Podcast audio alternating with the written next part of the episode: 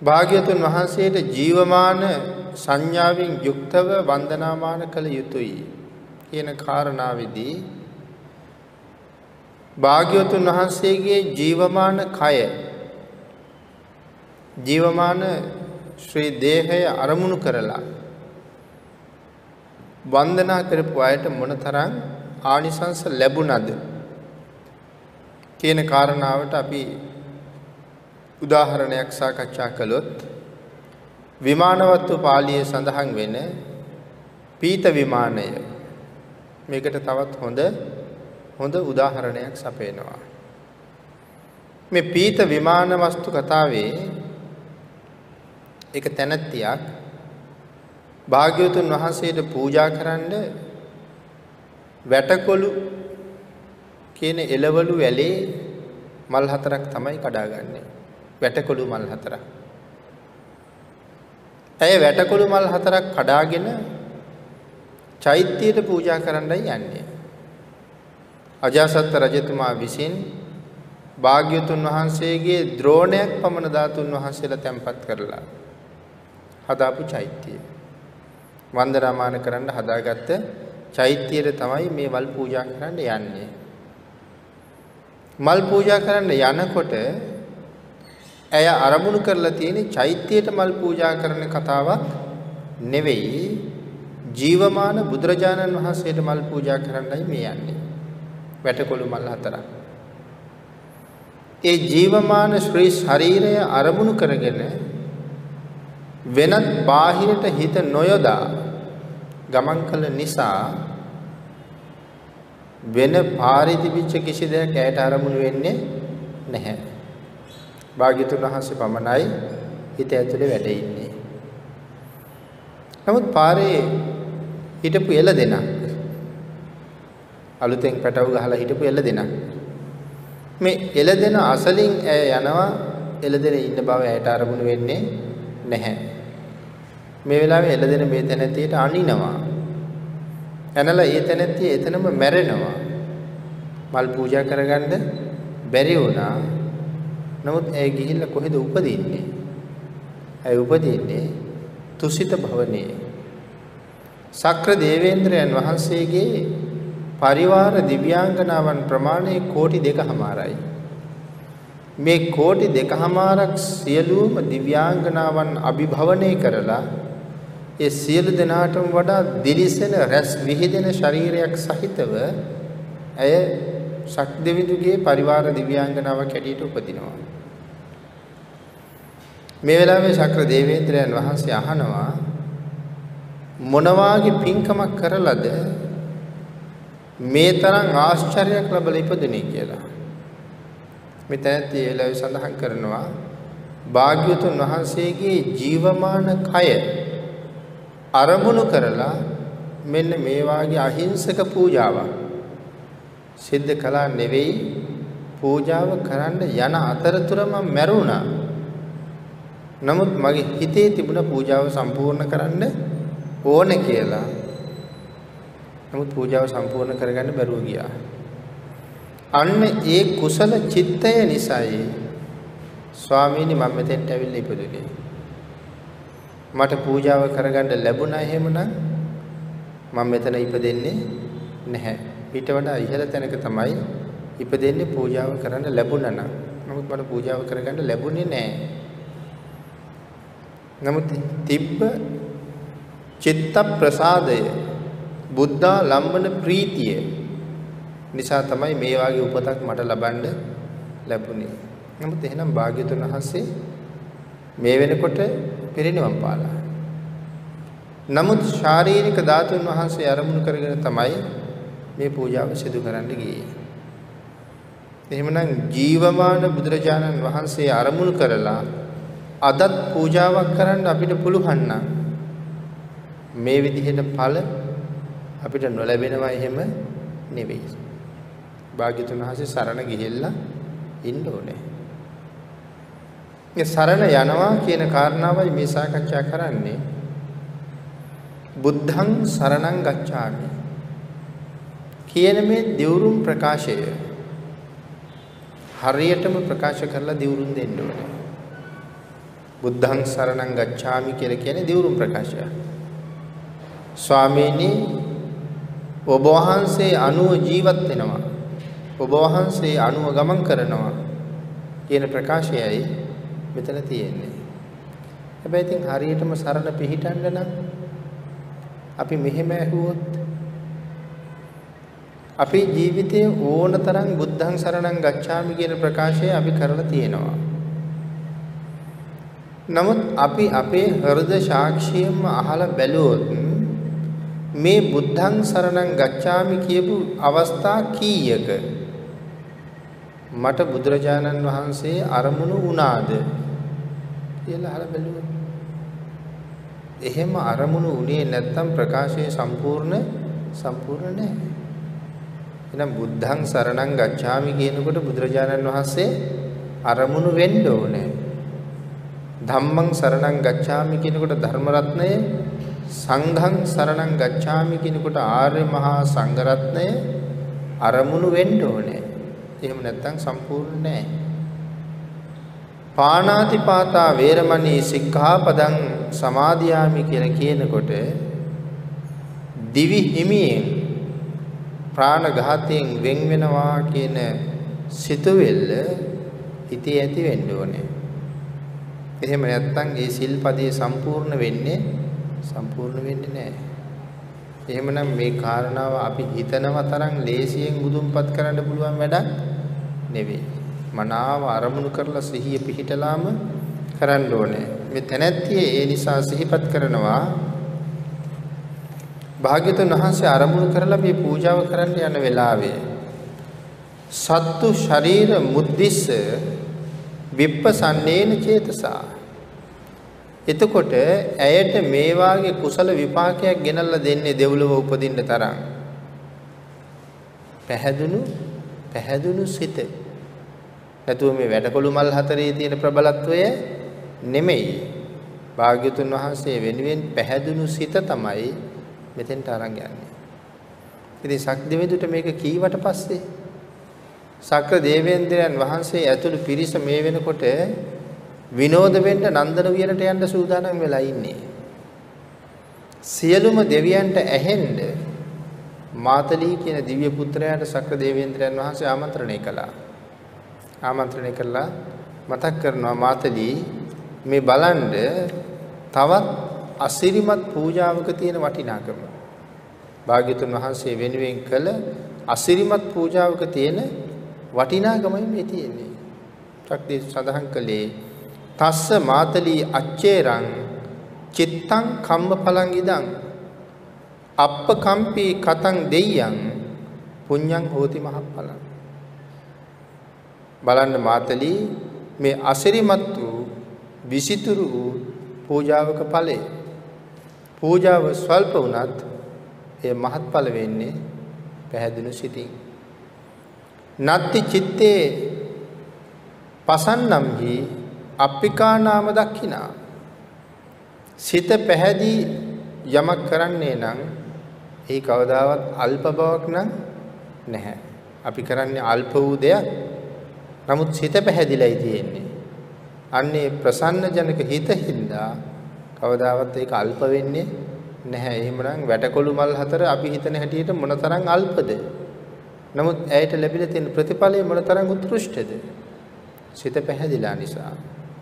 එතකොට මේ පූජාව කරලා තියෙන ධාතුන් වහන්සේට ජීවමාන බුදුරජාණන් වහන්සේ හා සමානයි කියලා දේශනා කරේ අපි මේ ඒ කාරණාවයි සාකච්ඡා කරන්නේ තාම වාග්යතුන් වහන්සේ පිරිනුවම් පාලා පිරිනුවම් පාලා නැහැ.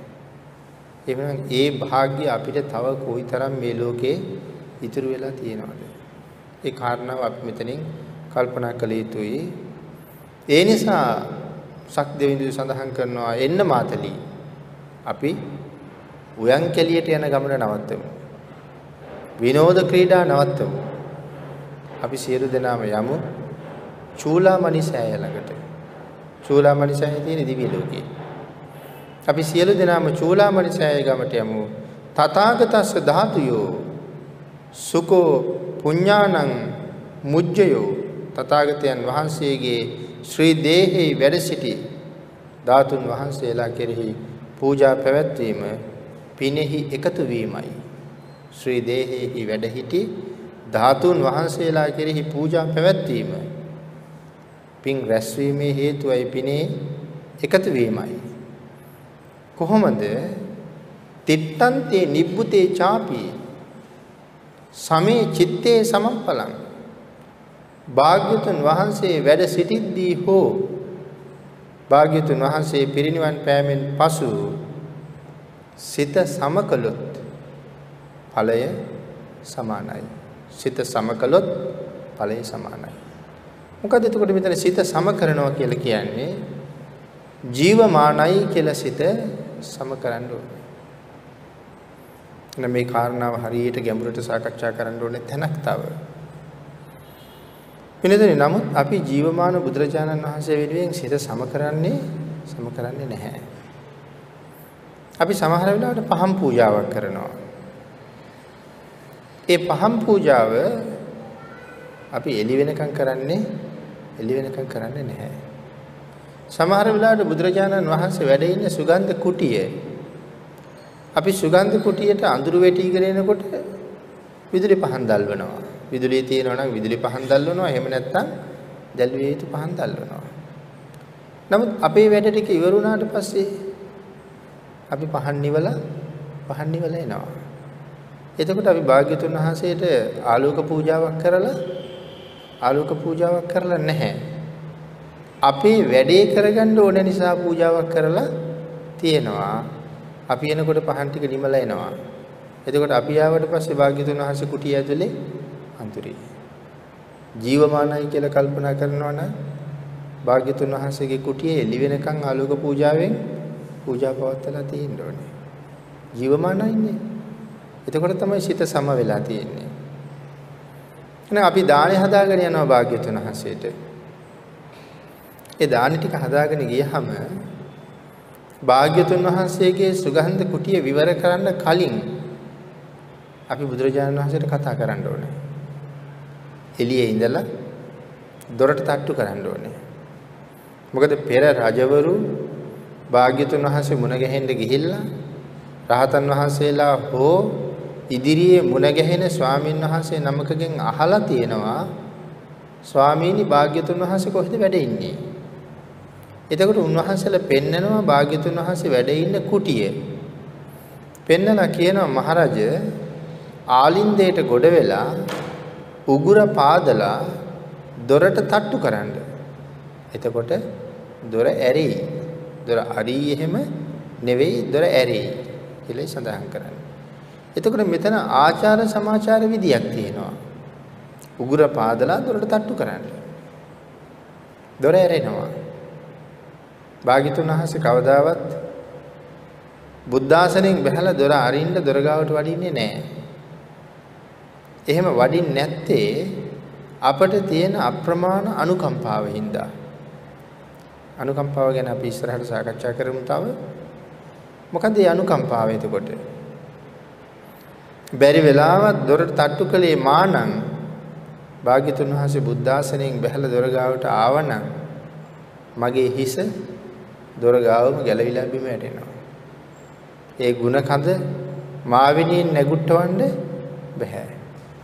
ඒක දන්න භාග්‍යතුන් වහන්සේ නැගිටින්නේ නැහැ.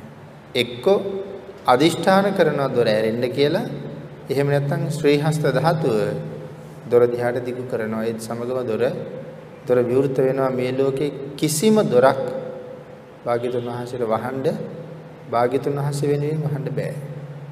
උන්වහන්සේ වඩින වැඩියොත් මේ දොර ගාවට ඇරෙන්න ඕනේ කියලා අරමුණු කරන ෂණයෙන් දොර ඕනෑම දොරක් විවෘත වෙනවා. එහෙනම් භාග්‍යතුන් වහන්සේට වැහෙන්නේ නැහැ කිසි දොරක්.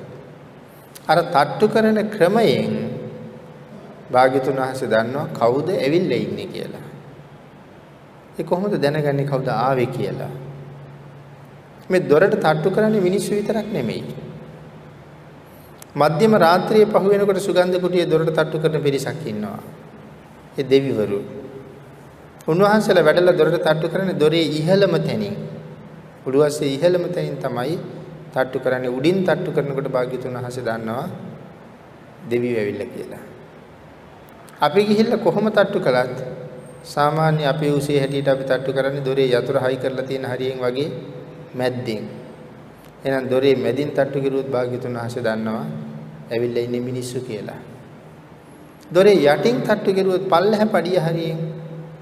එතකොට භාග්‍යතුන් වහන්සේ දන්නවා ඇවිල්ලා ඉන්නේ නාග ලෝකෙන් කියලා. මේ දොරට තට්ටු කරන හැටියෙම ඇවිල්ලා ඉන්නේ කවුද කියලා දන්නවා. එහෙමනම් අපි දානේ ටික හෝ අපි සතු යම් පූජාවක් අරගෙන ගිහිල්ලා භාග්‍යතුන් වහන්සේගේ සුගන්ධ කුටියට ඇතුල් වෙන්න කලින් මේ ජීවමාන සංඥාව තියෙනවා නම් දොරට තට්ටු කරන්න ඕනේ. ස්වාමීනි මට දොර අරගෙන ඉන්න අවසරයි. අද හැටියට අපි දොර අරින්න අවසර ඉල්ලන්න ඕනේ. දොර අරගෙන ඇතුළට ගිහිල්ලා අවසර අරගෙන දන ගහලා වැඳලා පසඟ පිහිටවල වැඳලා සුගන්ධ කුටිය ආමදින්න අවසර ඉල්ලලා ආමදින්න ඕනේ. ස්වාමීනි මට අවසරයි සුගන්ධ කුටිය ආමදින්න. හැමදලා භාග්‍යතුන් හසිර අපි පාන්දරක යනවා නම් උණුපැන් සිසිල් පැන් පිළිගන්වලා කුටිය සුවඳ පූජාවල් පවත්වලා මා සකස් කරගත්ත දානි ටික භාග්‍යතුන් වහන්සේ ළඟ ගෙනහිල්ලා පිළිගන්වලා තුන් පාරක් භාග්‍යතුන් වහන්සේගෙන් ආයාචනාවක් කරන්න ඕනේ. ස්වාමීනි මට අනුකම්පා කරන්න. ස්වාමීනි මට අනුකම්පා කරන්න. ස්වාමීනි මට අනුකම්පා කරන්න. මේ දාන වස්තුව මා කෙරෙහි අනුකම්පාවෙන් ඉවසන්න කියලා ඉල්ලීමක් කරන්න ඕනේ. එහෙම නැත්නම් ඒ දාන වස්තුව පිළිගන්නත් පුළුවන් නොපිළිගන්නත් පුළුවන්.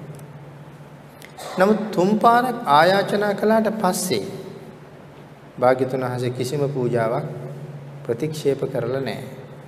අන්‍ය තීර්ථකයෝ එහෙම ඇවිල්ලා පැහැදිලා ඉල්ලීමක් කළා ස්වාමීනි මම පැවිදි කරගන්න. දෙවනි පාරත් ඉල්ලීමක් කළා ස්වාමීනි මම පැවිදි කරගන්න. ඒ වෙලාවේ ඒ අයට භාග්‍යතුන් වහන්සේ පැහැදිලි කරනවා ඔබ මේ ශාසනයට ඇතුල් කරගත්තොත් මෙතෙක් ඔබ නිසා ප්‍රයෝජන ලබාපු බොහෝ පිරිසකට විශාල අපහසුතාවයකටපත් වෙන්න සිද්ධ වෙනවා. නමුත් තුන්වෙනි පාර ස්වාමීනි මට අනුකම්පා කළා මම ශාසනයට ඇතුල් කරගන්න කියලා ඉල්ලීමක් කළොත් ඉන් එහාට භාග්‍යතුන් වහන්සේ ප්‍රතික්ෂේප කරලා නැහැ ඔහුට පිහිට වෙලා තියෙනවා. ඒ නිසා එහෙනම් තුන් පාරක් ඉල්ලීමක් කළොත් භාග්‍යතුන් වහන්සේ අපේ පූජාව පිළිගන්න නිසා තුන් පාරක් ආයාචනා කරලා භාග්‍යතුන් වහන්සේට පූජා කරන්න අපි පුරුදු වෙන්න ඕනේ. ඒ පූජාව ඉවරලා එහෙමනොත් භාග්‍යතුන් වහන්සේට දානේ වළඳන්නේ. දානේ වළඳන්නත් අපි සෑහෙන වෙලාවක් දෙන්න ඕනේ. යටත් පිරිසෙන් පැය භාගයක්වත්. මොකද භාග්‍යතුන් වහන්සේ අපි වාගේ කලබලයට දානේ වළඳන්නේ නැහැ. බොහොම සිහියෙන් බොහොම විවේකීව භාග්‍යතුන් වහන්සේ දානේ වළඳන්නේ. බොහෝ වෙලාවට දවසට එකපාරයි. පින්ඩ පාතේ වැඩලා දානේ වළඳලා එදා දවසට පින්ඩපාතේ පවාරණය කරනවා. නැවත අද දවස සඳහා ආහාර වළඳන්නේ නැහැ. පින්ඩපාතේ පවාරණය කරනවා. නමුත් වළඳන්න සෑහෙන කාලයක් ගන්නවා ඇති කියලා අපිට හිතන්න වෙනවා මෙන්න මේ කාරණාවෙන් සඳහන් කරලා තියෙනවා ශ්‍රීමුක ධාතුව ඇතුලේ ආහාර හපන වෙලාවට පාත්‍රා ධාතුවේ ඇතුලේ අතින් ආහාර අනන්නේ නැහැ කියලා. හපන වෙලාවට අනන්නේ නැහැ. අනන වෙලාවට ශ්‍රීමුක ධාතුවේ ආහාර මොකවත්ම නැහැ. අනන වෙලාවට හපන්නේ හපන වෙලාවට අනන්නේ නැහැ. ඉතින් මේ කාරණාව කල්පනා කරන්න ගියොත් අනික අපි ආහාර හපනවා වගේ දෙතුන් පාරක් හපලා ආහාර ඉලින ස්වභාවයක් නැහැ. හොඳට ආහාර හොඳට ආහාර හපනවා. සියලු බත්තට හැපෙන තරමට භාග්‍යතුන් වහන්සේ ආහාරයේ මේ දත් වලින් දත් වලින් හපනවා. ඊට පස්සේ ඉතින් අපිට වගේ භාග්‍යතුන් වහන්සේට ආමාශගත වෙලා ආහාරවල ශක්තිය ශරීරයට උරන ස්වභාවයක් භාග්‍යතුන් වහන්සේගේ ආහාරයේ නැහැ. මේ හපලා උගුරට එකතු වෙනවත් එක්කම ගිලිනවත් සමගම එහෙම නැත්නම් ශ්‍රී මුඛය ඇතුළේදීම මේ සියලුම ආහාරවල පෝෂණ කොට ශරීරගත වෙලා ඉවරයි ආමාශයක පල්ලෙවි තියෙන්නේ නැහැ. මොකද රසනහර 700කට වඩා වැඩි ප්‍රමාණයක් ශ්‍රී මුඛ ධාතුවට විවෘතයි කියලා සඳහන් කරනවා. අපේ ආමාශය තුල සිද්ධ වෙන ක්‍රියාව භාග්‍යතුන් වහන්සේගේ ශ්‍රී මුඛ ධාතුවේ ඇතුළෙන්ම සිද්ධ වෙනවා. ඉතින් එහෙමනම් අපි පැය භාගයක් විතර කාලයක්වත් භාග්‍යතුන් වහන්සේ ළඟ අපි පූජාව තියලා තියන්න ඕනේ. එතකොට පැය භාගයක්වත් භාග්‍යතුන් වහන්සේට ආහාර වළඳන්න ගත වෙනවා නම් විකාලයේ වෙන්න කලින් අද කාලේ හැටියට නම් මේ සඳහන් කරන්නේ අද. මොකද මේ කාලේ හැටියට 12යි 10 විතර වෙනකන් දානේ වළඳන්න කල් තියෙනවා. අරුණ උදාවිය ප්‍රමාදයත් එක්ක. ඉතින් 11 විතර වෙනකොටත් අපි දානේ ටික අද හැටියට නම් මේක මේ දේශනාව අහන හැම දවසටම ගැලපෙන්නේ නෑ. මේක මේ අද හැටියට නම් මේ ජනවාරි මාසෙට නම් 12යි 10යි විතර වෙනකන් විකාලය වෙන්නේ නැහැ ඉතින් එහෙනම් 11ට විතර අපි දැන් පූජා කළත් ප්‍රමාණවත් පැයක් විතර තියෙනවා. නමුත් අපි කටින පූජාවල් කරන කාලෙට කටින දානේ පූජා කරන කාලෙට දන්වැළඳීමේ කාලය 11:55 විතර වෙනකොට සම්පූර්ණයෙන් අහවර වෙන්න ඕනේ. ඒ කියන්නේ 11:35 11:40 විතර වගේ වෙනකොට දානේ වළඳලා ඉවර කරන්න සිද්ධ වෙනවා. මොකද අපි ගාව තියෙන හෝරා යන්ත්‍රය එක එක තැන්වල තියෙන එක එක වෙලාවල්. ඒ නිසා විනාඩි 2 3 2 3 වෙනස්කම් තියෙන්න පුළුවන් නිසා 11යි 40 45 විතර වෙනකොට දාන වළඳන කටයුතු නිමා කරගන්න සිද්ධ වෙනවා ඒ කාලේ වෙනකොට.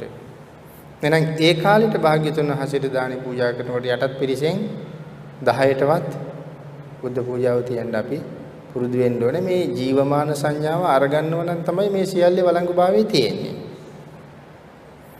ඒ නිසා සක්‍ර දේවේන්ද්‍රයන් වහන්සේ සඳහන් කරන මාතලී අපි යමු. චූලාමණි සෑය ළඟට යමු. භාග්‍යතුන් වහන්සේට උපස්ථාන කරන්න.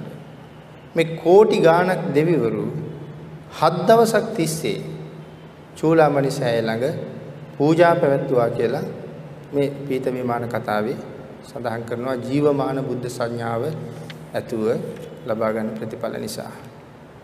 ඊළඟට තවත් එක උදාහරණයක් අපි ඒකට සඳහන් කරනවා නම් පච්චුපට්ඨාන සංයක තේරාපදානය. පච්චුපට්ඨාන සංයක තේරාපදානය. පච්චුපට්ඨාන මහරහතන් වහන්සේ. පච්චුපට්ඨාන සංයක මහරහතන් වහන්සේ. අපේ ශාසනයේ භාග්‍යතුන් වහන්සේ වැඩ සිටිය කාලේ ජීවත් වුණ මහරහතන් වහන්සේ නම. උන්වහන්සේ සඳහන් කරනවා මට රහත් වෙන්න මූලිකව හේතු වුණ පින මං කොයි කාලේ කරගත්ත කොහොම පිනක්ද කියලා. මේ රහතන් වහන්සේ මේ අපදාන පාළියේ පළවෙනි පොතේ මේ කාරණාව සඳහන් කරන්නේ 262 වෙනි පිටුවේ පච්චපට්ටක සංඥා සංයක තේරාපදානයේ සඳහන් වෙන්නේ. භාග්‍යවතුන් වහන්සේ ළඟ ඉඳගෙන වඳිනවා කියන හැඟීම ඇතිව පෙර භවයක කරපු වන්දනාව තමයි රහත් වෙන්න හේතු වෙලා තියෙන්නේ. ළඟ ඉඳගෙන වඳිනවා වගේ පෙර භවයක කරපු වන්දනාව. එතකොට මේ ජීවමාන සංඥාවෙන් අදත් එහෙම වැන්දොත් කවදාවත් ඒක අපට අහකට යන දෙයක් නම් වෙන්නේ වෙන්නේ නැහැ. මේකට හොඳ උදාහරණයක්. මේ භික්ෂුව පච්චපට්ටක රහතන් වහන්සේ අත්තදස්සී බුදුරජාණන් වහන්සේ ලෝකේ පහළ වෙච්ච කාලේ. එතකොට බොහොම කල් අත්තදස්සී බුදුරජාණන් වහන්සේ ලෝකේ පහළ වෙච්ච කාලේ යක්ෂ සේනාධිපතියෙක් හැටියට ඉඳලා තියෙනවා. යක්ෂයෙක්. නමුත් අත්තදස්සී බුදුරජාණන් වහන්සේත් මේ වෙනකොට පිරිනවම් පාලා. මේ යක්ෂ සේනාධිපතියා භාග්‍යතුන් වහන්සේ දැනගෙන මෙයා කල්පනා කරනවා මට ලැබුණේ ඊටාම අඳුරු කාලයක් මහ පුදුම ශක්තියක් තියෙන පුදුම බලයක් තියෙන පුදුම හැකියාවක් තියෙන යක්ෂ සෙම්පතියෙක්. ආලෝක යක්ෂයාගේ ශක්තියත් අපි ටිකක් අහලා තියෙනවා. ඒ වාගේ මහලුකු බලයක් තියෙන කෙනෙක්. ඉතින් මෙයා කල්පනා කරනවා මට ලැබුණේ ඊටාම අඳුරු කාලයක්. මම ඉපදෙන කාලේ ලෝකෙට එළිය දෙන්නේ අඳුරු පහනක්. ලෝකෙ එළිය නැහැ. ඒ ලෝකෙ පහන නිවිලා. අඳුරු පහන් තමයි දැන් දැල් වෙලා තියෙන්නේ මට හම්බෙලා තියෙන අඳුරු පහනක්. මට තිබිච්ච බලයෙන් මට තියෙන ශක්තියෙන් මට තියෙන හැකියාවෙන් ප්‍රයෝජන ගන්න මට ශක්තියක් නැහැ කියලා කල්පනා කර කර මෙයා මෙයා ප්‍රමාදයටපත් වෙනවා. මෙයාගේ මේ ඇති වෙන ප්‍රමාදී සිතුවිල්ල දකිනවා සාගර කියලා මහරහතන් වහන්සේ නම. මේ යක්ෂයා ළඟ අප්‍රමාණ ශ්‍රද්ධාවක් තියෙනවා. මෙතන යක්ෂ කියලා කියහම අපි ඔය කල්පනා කරන දුක් විඳින මහා භයානක කියලා කල්පනා කරන යක්ෂයෝ ගැන නෙමෙයි මේ සඳහන් කරන්නේ.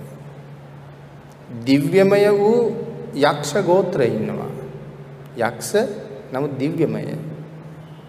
බිම්බිසාර රජුරුවත් මේ වෙනකොට යක්ෂ සෙම්පතියෙක් හැටියට ඉපදිලා ඉන්නවා කියලා තමයි සඳහන් කරන්නේ.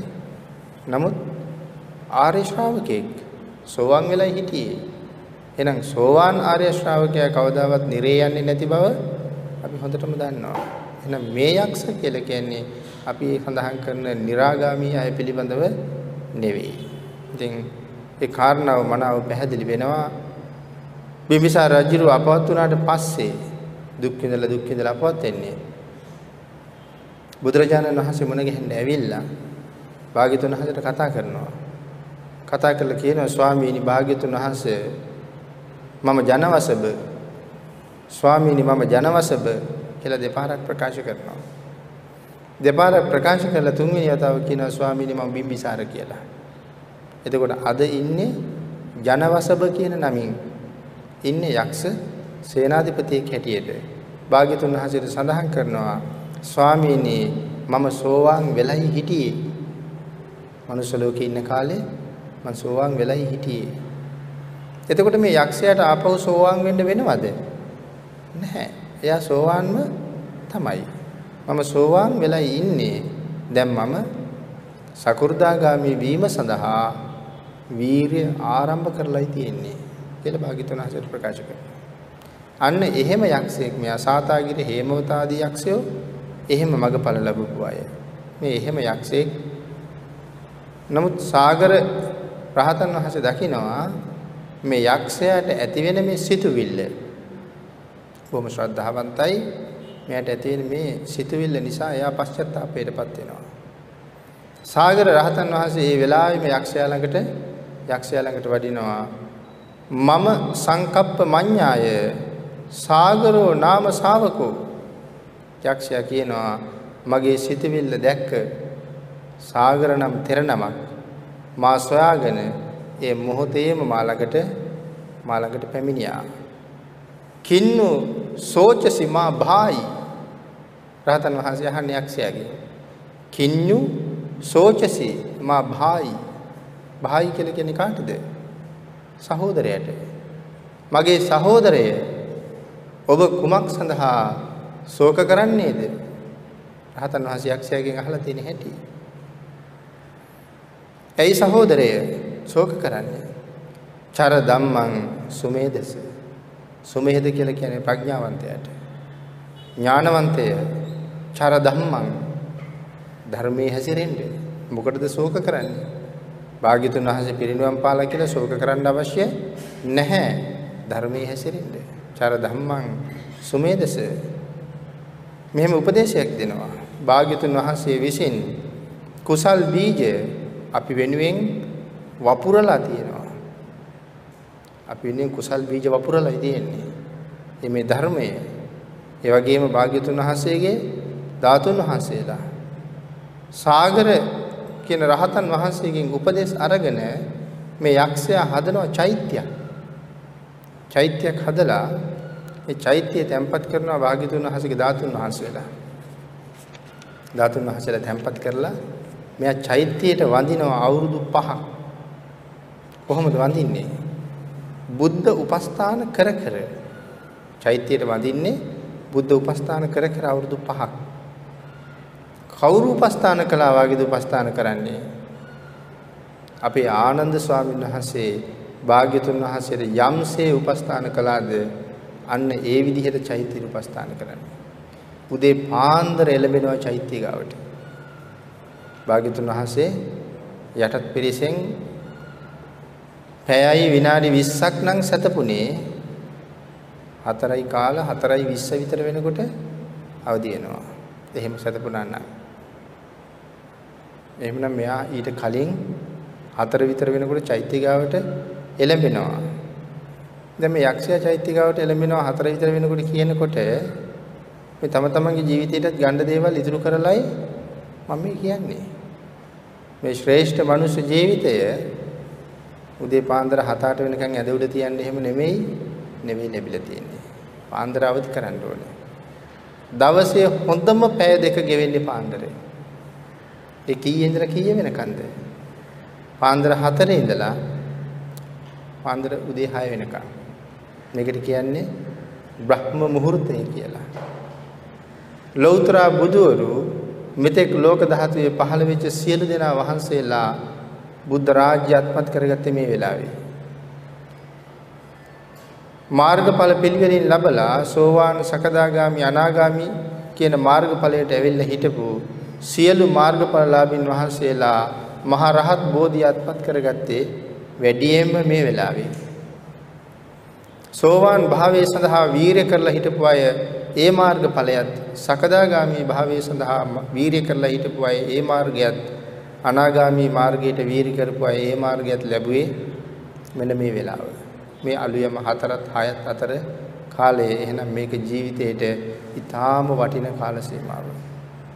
අපිටත් පුළුවන් නම් උදේ පාන්දර නැගිලා මේ වෙලාවට භාග්‍යතුන් වහන්සේට බුද්ධ වත සිද්ධ කරලා වන්දනාමාන කරගන්න භාවනාවක් කරගන්න ඒක ජීවිතේ ලැබෙන මහ පරම පරම භාග්යක් බවට පත් වෙනවා. එහෙනම් මේ යක්ෂයා ආනන්ද ස්වාමින් වහන්සේ යම් දවසක භාග්‍යතුන් වහන්සේට යම්සේ උපස්ථාන කළාද එසේම චෛත්‍ය රාජයාට උපස්ථාන කරනවා ජීවමාන බුදුරජාණන් වහන්සේ. ඉතින් චෛත්‍ය මළුවට හැබැවින්ම එළඹිය යුත්තේද එසේමයි. එහෙම නැති වුණොත් අපිට අකුසල් පිරෙන්නත් පුළුවන්. අපි ඒ දන්නව නේද?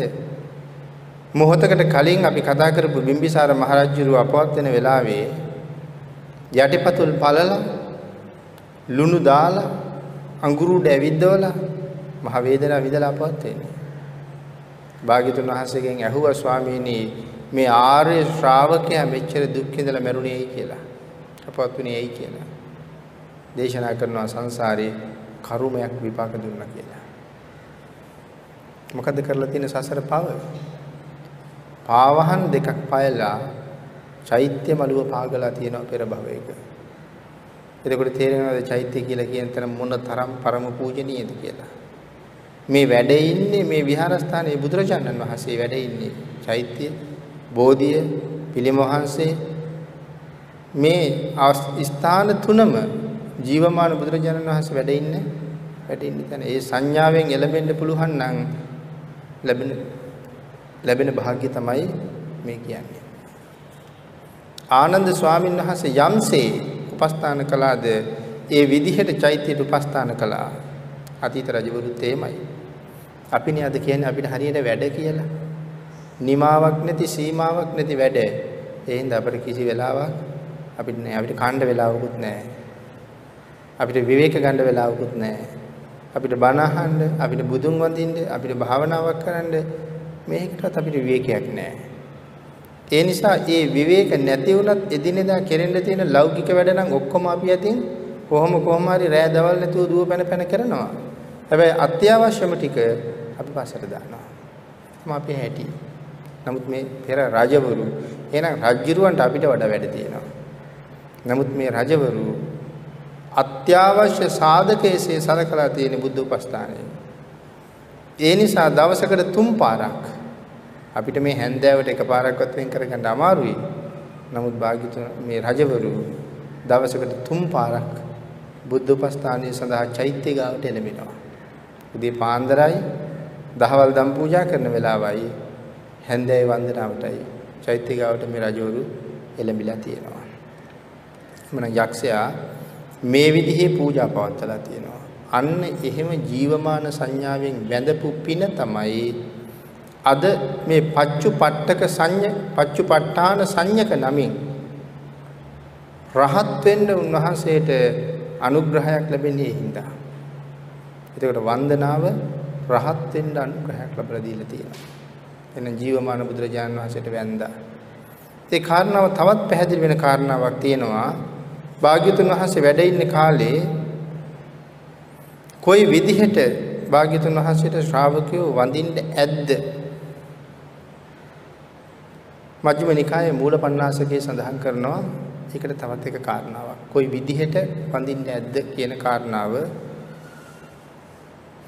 පඤ්ඤත්තේ ආසනේ නිසීදී අපි උදේ අපි කලින් දේශනාවෙත් මේ කාරණාව සඳහන් කළා හැම තැනම භාග්‍යතුන් වහන්සේ වෙනුවෙන් ආසනයක් පනවලා තිබිලා තියෙනවා සෑම විහාරස්ථානයකම. මොකද භාග්‍යතුන් වහන්සේ වෙනුවෙන් ආසනයක් පනවන්න වෙනම වෙලාවක් ගන්න බෑ කියලා අපි සඳහන් කළා. හේතුව සත්තා අම්හාකම් මනං ජානිත්වා ආගන්ත්වා අම්හාකම් සමීපේ තිතං ඒව අත්තානං දස්සේති භාග්‍යතුන් වහන්සේ අපේ සිතවිල්ල දැනගෙන ඒ මොහොතේම අපි ගාව පහළ වෙනවා. අය ආසන පනවන්න කාලයක් නැති නිසා භාග්‍යතුන් වහන්සේ වෙනුවෙන් ආසනයක් පනවලා වෙන් කරලා තිබිලා තියෙනවා. තස්මින් කනේ භන්තේ ඉද නිසීදත ඉද නිසීදත ආසන පරියේෂණං නම් බහරු ඉද නිසීදත ඉද නිසීදත ආසන පරියේෂණම් බහරු ආසනය පනවලාමයි භාග්‍යතුන් වහන්සේ වෙනුවෙන් තිබිලා තියෙන්නේ මොකද අපිට වෙන ආසන පනවන්න කාලයක් ගන්න බැරි නිසා ඊළඟට සඳහන් කරනවා මේ ප්‍රථම ධර්ම සංගායනාව සිද්ධ කරන වෙලාවේ එතනත් බුද්ධාසනේ පැනෙවුවා භාග්‍යතුන් වහන්සේගේ ආසනේ එතනත් පැනෙවුවා. නැගෙනහිරට මුහුණලා තමයි භාග්‍යතුන් වහන්සේ හැම වෙලාවෙම වැඩ ඉඳලා තියෙන්නේ පූර්ව දිශාව බලාගෙන. එහෙනම් එදත් භාග්‍යතුන් වහන්සේගේ බුද්ධාසනේ පනවන්නේ පූර්ව දිශාව බලාගෙන. පසතුරුණු 500ක් පනවනවා මෙතන. 500ක් මහරහතන් වහන්සේලාට. සංඝ තේරාසනේ පනවන්නේ කොහොමද? උතුරු දිශාවට මුහුණලා තේරාසනේ පනවලා තිබිලා තියෙනවා. භාග්‍යතුන් වහන්සේ පූර්ව දිශාවටත් තේරාසනේ උතුරු දිශාවටත් මුහුණලා පනවලා තියෙන මේ උපදේශ කාගේද? මේ උපදේශ ඔක්කොම මහා කාශ්‍යප මහ රහතන් වහන්සේගේ උපදේශ අනුවයි පනවලා තියෙන්නේ. මේ වෙලාවේ මහා කාශ්‍යප මහ රහතන් වහන්සේට වඩා වැඩිමල් කෙනෙක් ශාසනයේ නැහැ. ඒ නිසා උන්වහන්සේ කාගෙන්වත් ආරාධනාවකින් තොරවම ගිහිල්ලා තේරාසනේ වැඩ ඉන්නවා. ඊට පස්සේ උපාලි මහරහතන් වහන්සේ නැගිටිනවා. නැගිටලා තමන් වහන්සේට වඩා වැඩිමල් සියලුම රහතන් වහන්සේලාට ස්වාමීන් වහන්සේලාට වන්දනා කරනවා. මෙතන වැඩ ඉන්නේ රහතන් වහන්සේලාමනේ 500ම රහතන් වහන්සේලාට වන්දනා කරලා උන්වහන්සේ ගිහිල්ලා ධර්මාසනේ වැඩ ඉන්නවා. ඇයි උන්වහන්සේ අනික් අයට වැඳලා ගිහිල්ලා වාඩි වුණේ එකක් වැඩිමල්කම අනික් අයගේ. අනිත් එක තමයි මහා කාශ්‍යප මහරහතන් වහන්සේටත් වඩා ඉහළ ආසනයක තමයි උපාලි මහරහතන් වහන්සේ වැඩ ඉන්නේ. ඒ කොහොමද එතකොට උපාලි මහරහතන් වහන්සේ මහා කාශ්‍යප මහරහතන් වහන්සේට වඩා ඉහළ ආසනයකට යන්නේ? මහා කාශ්‍යප මහරහතන් වහන්සේ නම් සංඝ පීත්‍රු උන්වහන්සේට වඩා ඉහළ ආසනයකට උපාලි මහරහතන් වහන්සේට වඩින්න බැහැ. නමුත් මේ වෙලාවේ වැඩ ඉන්නේ එහෙමයි. හේතුව උන්වහන්සේ වැඩ ඉන්නේ ධර්මාසනයේ. එදා බුද්ධාසනේ පැනෙවුවා. නමුත් අද ධර්මාසනය කියලා කියන්නේ භාග්‍යවතුන් වහන්සේගේ ආසනය. බුද්ධාසනය තමයි ධර්මාසනය. ඒ නිසා ධර්මාසනේ හැම වෙලාවෙම තියෙන සංඝාසනයට වඩා ඉහළින්. එහෙනම් උපාලි ස්වාමීන් වහන්සේ ගිහිල්ලා වාඩි වෙන්න ඕනේ ධර්මාසනේ. ඒ බුදුරජාණන් වහන්සේගේ ආසනය. බුද්ධ ධර්මයේ දේශනා කරන්නයි වාඩි වෙන්නේ. ඒ නිසා තමයි Tamanට වැඩිමල් සියලු දෙනා වහන්සේලාට වැඳලා ගිහිල්ලා වාඩි වෙන්නේ ධර්මාසනේ වැඩ ඉන්න නිසා. ධර්මාසනේ කියලා කියන්නේ අද බුද්ධාසනයයි. එහෙමනම් මේ ධර්මාසනේ වාඩි වීම සුළුපටු කාරණාවක් වෙන්නේ වෙන්නේ නැහැ. ඊළඟට සඳහන් කරනවා තවත් කාරණාවක් අපිට මේ ජීවමාන සංඥාවට තවත් හේතුවක් පැහැදිලි කරලා තියෙනවා.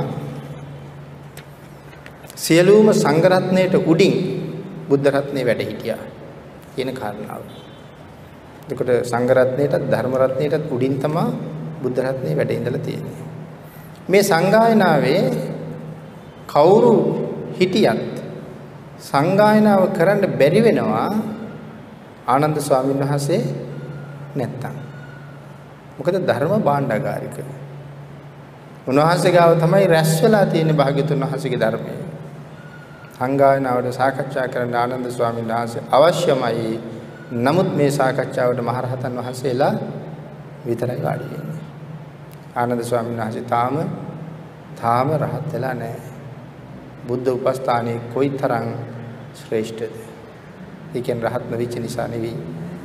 භාග්‍යවතුන් වහන්සේ ආනන්ද ස්වාමීන් වහන්සේට සඳහන් කරනවා කත පුඤ්ඤෝති ත්වං ආනන්ද පදාන මනුයුඤ්ජත පදාන මනුයුඤ්ජ කිප්පං කෝහීති අනාසකෝ. කත පුඤ්ඤෝති ත්වං ආනන්ද පදාන මනුයුඤ්ජ කිප්පං කෝහීති අනාසකෝ. ආනන්ද ඔබ බොහෝ පින් කරලා තියෙනවා. සාමාන්‍ය කෙනෙක් එහෙම නෙවෙයි ආනන්ද ඔබ බොහෝ පින් කරලා තියෙනවා. කොහොමද උන්වහන්සේ බොහෝ පින් කළා? මුළු ජීවිතේම බුදුරජාණන් වහන්සේට පූජා කරලා පූජා කරලා තියෙනවා. විවේකයක්, සැතපීමක්, ඉඩක් උන්වහන්සේ ගත්තේ හරි අඩුවේ. උදේ පාන්දර අවදි වෙනවා භාග්‍යතුන් වහන්සේ අවදි වෙන්න කලින්.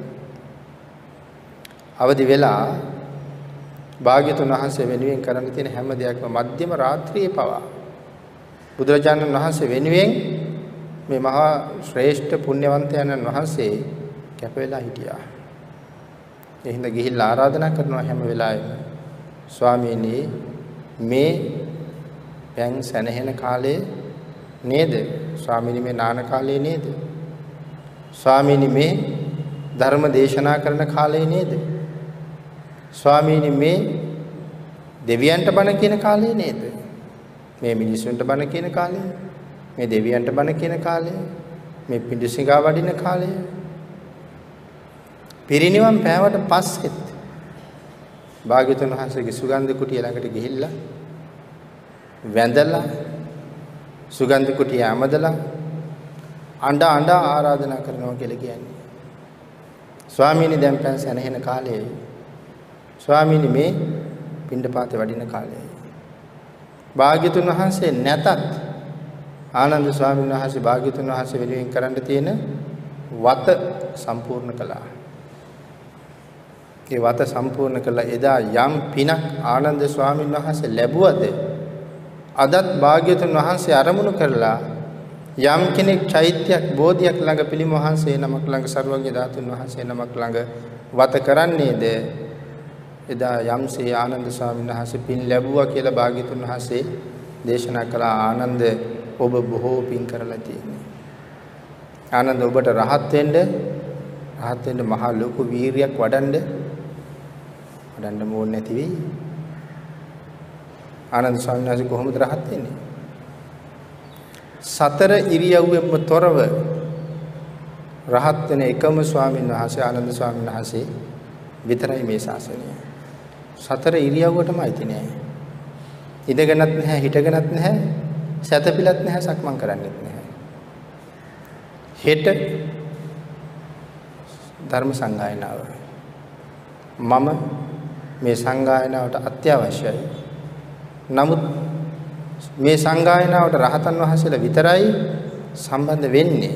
එහෙම මොහොතක මට රහත් නොවි ගිහිල්ලා මේ පසතුරුනේ වාඩි වෙන්න වාඩි වෙන්න බෑ. වීරය කළා රාත්‍රී පුරාම. සක්මන තමයි යොදාගත්තේ. සක්මන් කළා සක්මන් කළා සක්මන් කළා. තාම උන්වහන්සේ බලාපොරොත්තු වෙන තැනට යන්න බැරි වුණා. ඒ නිසා තීරණය කළා ටිකක් මදක් විවේක අරගෙන නැවත වීර්ය කරනවා. එහෙම හිතලා සැතපෙන ආසනේ වාඩි වුණා. වාඩි වෙලා මදක් විවේක ගන්නයි හදන්නේ. කොට්ටේට ඇල වුණා. තාම හිස කොට්ටේට තිබ්බේ තිබ්බේ නෑ. අපි ඇඳේ ඇලවෙන හැටි හිතන්නකෝ. ඇඳේ වාඩි වුණා. ඇලවෙන ගමන් පාද දෙක උස්සනවා ඇඳට ගන්න. හිස කොට්ටේට තිබ්බෙත් නැහැ. පාද දෙක ඇඳ උඩට ගත්තෙත් නැහැ. නමුත් පොළවෙන් එසවිලයි තියෙන්නේ. ඇඟ කොට්ටේට ඇලවෙලයි තියෙන්නේ. මෙන්න මේ වෙලාවේ ආනන්ද ස්වාමීන් වහන්සේ අති උතුම් මහරහත් බෝධිය අත්පත් කර ගන්නවා. ඒකයි සඳහන් කළේ සතර ඉරියව්වෙන්ම තොරයි. මෙහෙම රහත් භාවයේ ලබාගෙන හරි ලස්සනයි. කොහොමද ආනන්ද ස්වාමීන් වහන්සේ හරි හරි ලස්සනයිනේ. ශාක්‍ය වංශයයි පුදුම ලස්සනයි. භාග්‍යතුන් වහන්සේගේම භාග්‍යතුන් වහන්සේගේම මල්ලි. ඒ කියන්නේ භාග්‍යතුන් වහන්සේට සහෝදරයෝ හිටියේ නැහැ. නමුත් භාග්‍යතුන් වහන්සේගේ තාත්තගේ සහෝදරයාගේ පුතා. ඉතින් ගිහි ගෙදර හිටියනම් මල්ලියේ කියලා කතා කරන කෙනා. ඉතින් භාග්‍යතුන් වහන්සේ තරම් ලස්සනයි නම් ආනන්ද ස්වාමීන් වහන්සේත් ඊටාම ඊටාම ලස්සනයි. දැන් රහත් වෙලා උන්වහන්සේ ධර්ම සභාවට වඩිනවා. සංගායනා කරන සප්තපර්ණී ගුහාවට සංගායනාව කරන තැනට උන්වහන්සේ වඩිනවා. ඒ වඩින දිහා බලාගෙන ඉන්නවා සංඝ පීතෘන් වහන්සේ. ඒ වෙන කවුරුවත් නෙමෙයි මහා කාශ්‍යප මහ රහතන් වහන්සේ. උන්වහන්සේ මෙහෙම සඳහන් කරනවා. සඳහන් කරනවා කියන්නේ උන්වහන්සේට හිතෙනවා. මහා කාශ්‍යප මහ රහතන් වහන්සේගේ සිතුවිල්ල අට කතාවේ සඳහන් කරනවා මෙහෙම. සෝබති වත බොහෝ අරහත්තප්පත්තු. සෝභති වතභෝ අරහත්තප්පත්තු. ඊ타ම සෝභමානයි ඊ타ම සෝභමානයි අරහත් ඵලය ලබාගත් ආනන්ද ඔබ ඊ타ම සෝභමානයි අරහත්පත්තු ආනන්දෝ. සතේ සත්තා ගරෙය්‍ය. අද ශාස්ත්‍රුන් වහන්සේ හිටියා නම්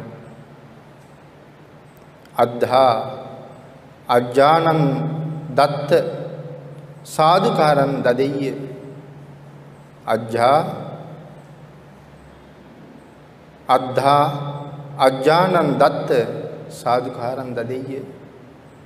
ආනන්ද ඔබ අද හරි සෝභමානයි. අද හරිම හරිම ලස්සනයි. අද වාගේ දවසක භාග්‍යතුන් වහන්සේ හිටියානම් ඔබ වෙනුවෙන් ශ්‍රී මුක ධාතුවෙන් සාදුකාරයක් පවත්වනවා සත්‍යයි. සාදුකාරන් දදෙය්‍ය. භාග්‍යතුන් වහන්සේ අද සාදුකාර දෙන දවසක්. හන්ද ဒ ුතියෝහං සත්තාරා දාතබ්බං සාදුකාරං දදාමි. හන්ද හන්ද දානිසහං. හන්ද ද්විතියෝහං කියන කැලල අයින් කරලා දාන්න. හන්ද දානිසහං සත්තාරා දාතබ්බං. සාදුකාරං දදාමි. එහෙමනම් ආනන්ද එදා භාග්‍යතුන් වහන්සේ විසින් දිය යුතු සාදුකාරය අද මා විසින් ඔබට ලබා දෙනවා. එහෙම කියලා ආනන්ද ස්වාමීන් වහන්සේ දිහා බලාගෙන මහා කාශ්‍යප මහ රහතන් වහන්සේ තුන් වතාවක් සාදුකාර පැවැත්වුවා කියලා සඳහන් වෙනවා.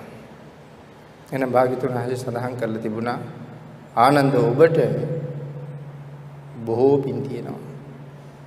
ඒ පින ලැබුවේ මොකක් කරලාද? භාග්‍යතුන් වහන්සේට උපස්ථාන කරලා. එහෙනම් එදා උපස්ථානයයි අද උපස්ථානයයි දෙකක් දෙකක් නෙවෙයි. අදත් කරන්න පුළුවන් නම් ඒ උපස්ථානයේ එයම තමයි.